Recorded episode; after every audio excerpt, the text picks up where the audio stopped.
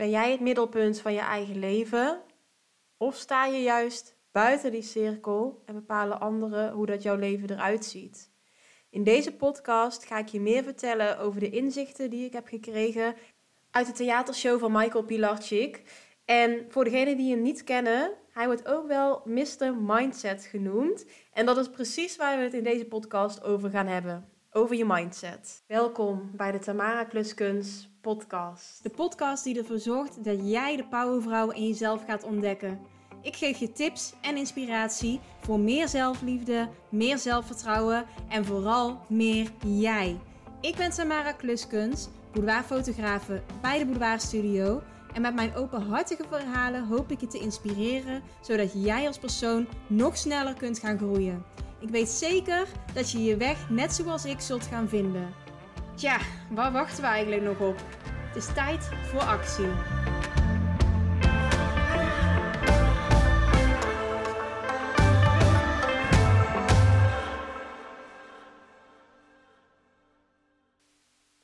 Zo, de week zit er weer bijna op. Het is eigenlijk pas woensdag. Maar morgen is het hemelvaart en vrijdag heb ik mezelf ook een vrije dag gegund. Dus ja, weekend. Um, bijna, want ik ga natuurlijk eerst deze podcast nog opnemen. En vandaag ga ik het met je hebben over Michael Pilarczyk, of in ieder geval de theatershow waar ik gisteren ben geweest samen met Broes. Zij doet wel vaker haar en make-up voor dames die hier voor de boudoirbeleving komen. En daarnaast is ze ook nagelstylist. Ze heeft mijn nagels ook al een aantal keer heel erg mooi gemaakt. En ja, we kwamen eigenlijk een beetje op het idee om samen te gaan doordat we het dus tijdens zo'n nagelsessie hadden over Michael Pilarczyk, Mr. Mindset, um, ook de meditatie-app die hij heeft. En toen zei Bruce dus van, oh, hij heeft dus ook een theatershow die binnenkort van start gaat. En ja, mij leek het ook wel heel interessant om daar naartoe te gaan. En toen hebben we besloten om met z'n tweeën te gaan. Dus gisteren was het zover. We zaten niet bij elkaar, zeg maar naast elkaar in de zaal, want het was echt uitverkocht en we waren een beetje laat met kaarten kopen. Maar goed, je bent daar toch niet om in de zaal een theekrantje met elkaar te gaan houden. Dus het was ook wel oké om gewoon alleen op een totaal andere rij te zitten. Ik vond het wel heel erg grappig dat er een vrouw haar jassen op de stoel had gelegd waar dat ik dan moest gaan zitten. En toen was ze heel verwonderd toen dat ik aankwam en zei van, oh ja, ik zit hier. Toen, toen zei ze van, oh, ik had eigenlijk gedacht dat hier niemand meer zou gaan zitten. Ja, ergens snap ik dat ook wel, want ergens gaan we er ook standaard vanuit dat mensen niet alleen komen of zo. Maar aan de andere kant, ik was dus ook niet alleen. En ik denk, als dat ik alleen had moeten gaan, dan had ik het ook gewoon gedaan. Mij maakt het echt niet uit. Ik weet dat er heel veel mensen zijn die daar wel echt, ja, ik wil niet zeggen een hekel aan hebben, maar die dat wel een obstakel vinden om ergens alleen naartoe te moeten gaan. En ja, ik heb dat eigenlijk totaal niet. Als ik iets interessant vind of iets leuk vind en het komt dan zo uit dat ik alleen zou moeten gaan, ja, dan doe ik dat gewoon.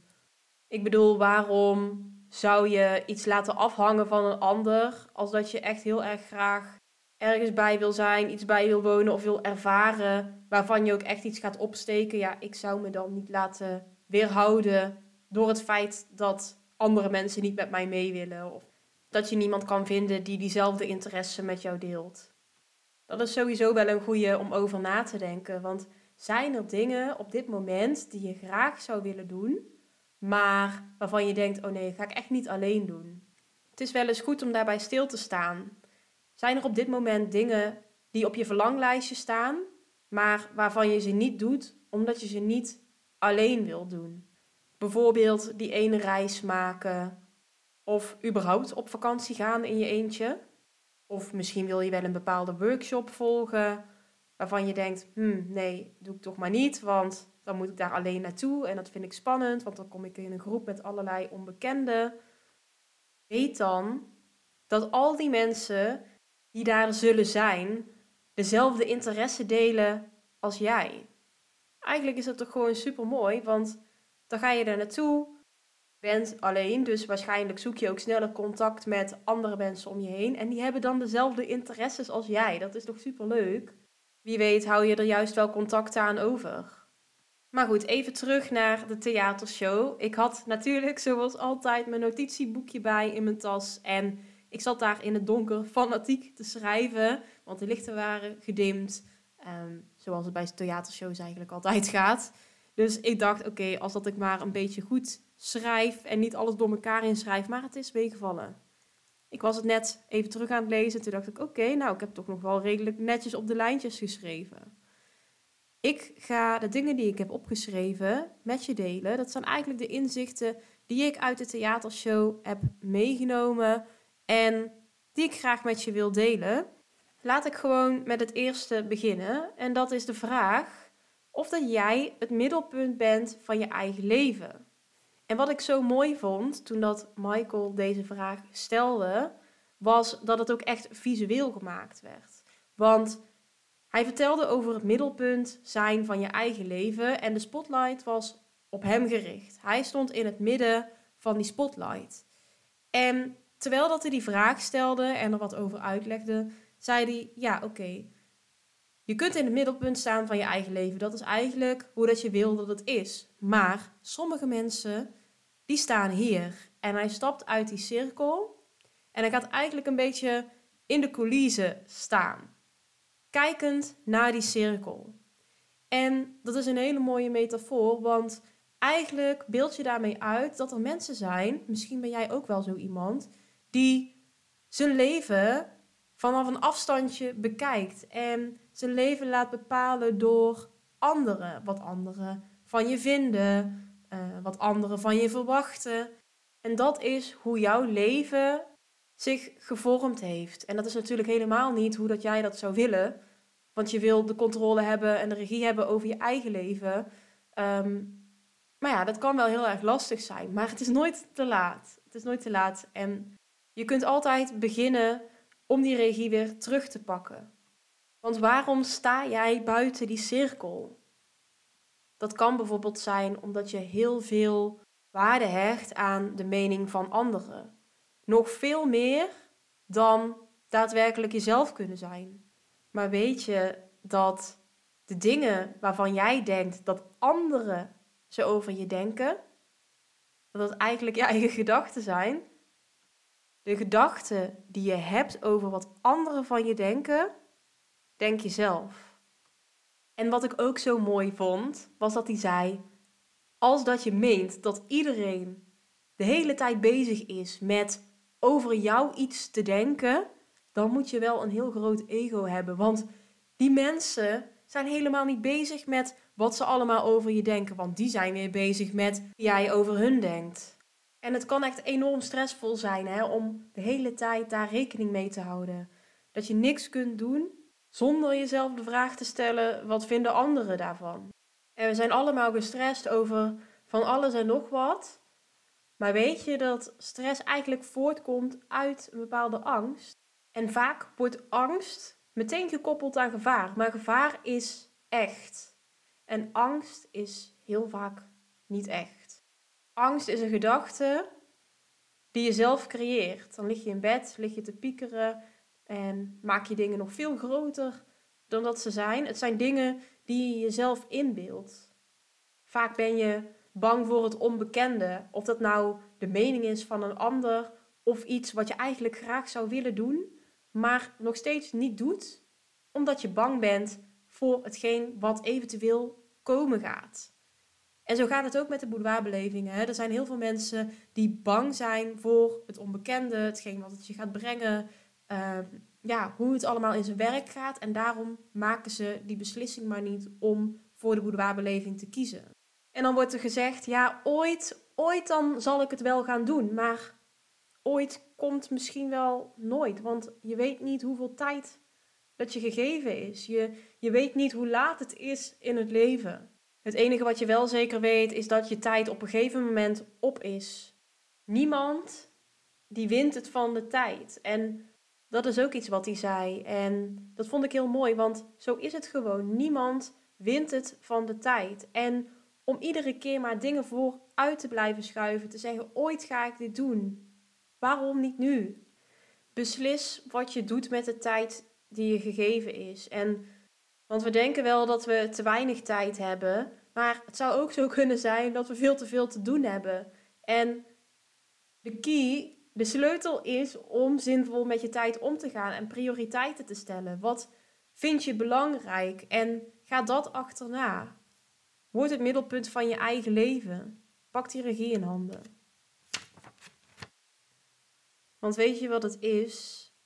Je mooiste leven is geen eindbestemming. Het is een manier van leven. Het is een proces. En we denken allemaal dat we nog X, Y, Z, wat dan ook moeten doen om gelukkig te zijn. Maar ook dat is geen eindbestemming. Het is een proces. En het is zo belangrijk om jezelf onderdeel te maken van dat proces. Niet de buitenwereld de schuld geven, te zeggen van ja, maar hij en zij en daarom lukt het allemaal niet. Het gaat erom dat jij de regie in eigen handen neemt en dat je zegt: oké, de dingen die me overkomen zijn geen dingen die me overkomen. Dat is een gevolg van bepaalde keuzes die ik maak. En misschien moet ik mezelf de juiste vragen gaan stellen om uiteindelijk andere keuzes te kunnen maken. Ik heb even een voorbeeldje vanuit mezelf. En dat was vorige week dat dat me zo overviel. In ieder geval de gedachte overviel me. Want ja, vroeger werd er heel vaak over me heen gelopen. Ik zei overal ja tegen. Ik uh, werkte mijn slag in de ronde. Ik had altijd alles wel op tijd af. Dus ja, er kwam ook geen eind aan. Want ik leverde toch altijd wel wat dat er van me gevraagd werd. Dus het bleef eigenlijk zo de hele tijd doorgaan. Er werd gewoon misbruik van me gemaakt. En ik was daarover na aan het denken. En ja, afgelopen maanden is dat weer eens een keer gebeurd. En ik had het er met Tommy over. En Tommy zei van ja, maar dit is iets wat jou altijd gebeurt. Of wat zich altijd voordoet. En toen zei ik tegen hem, ja, dus dan ligt het aan mij. Het ligt niet aan die andere mensen.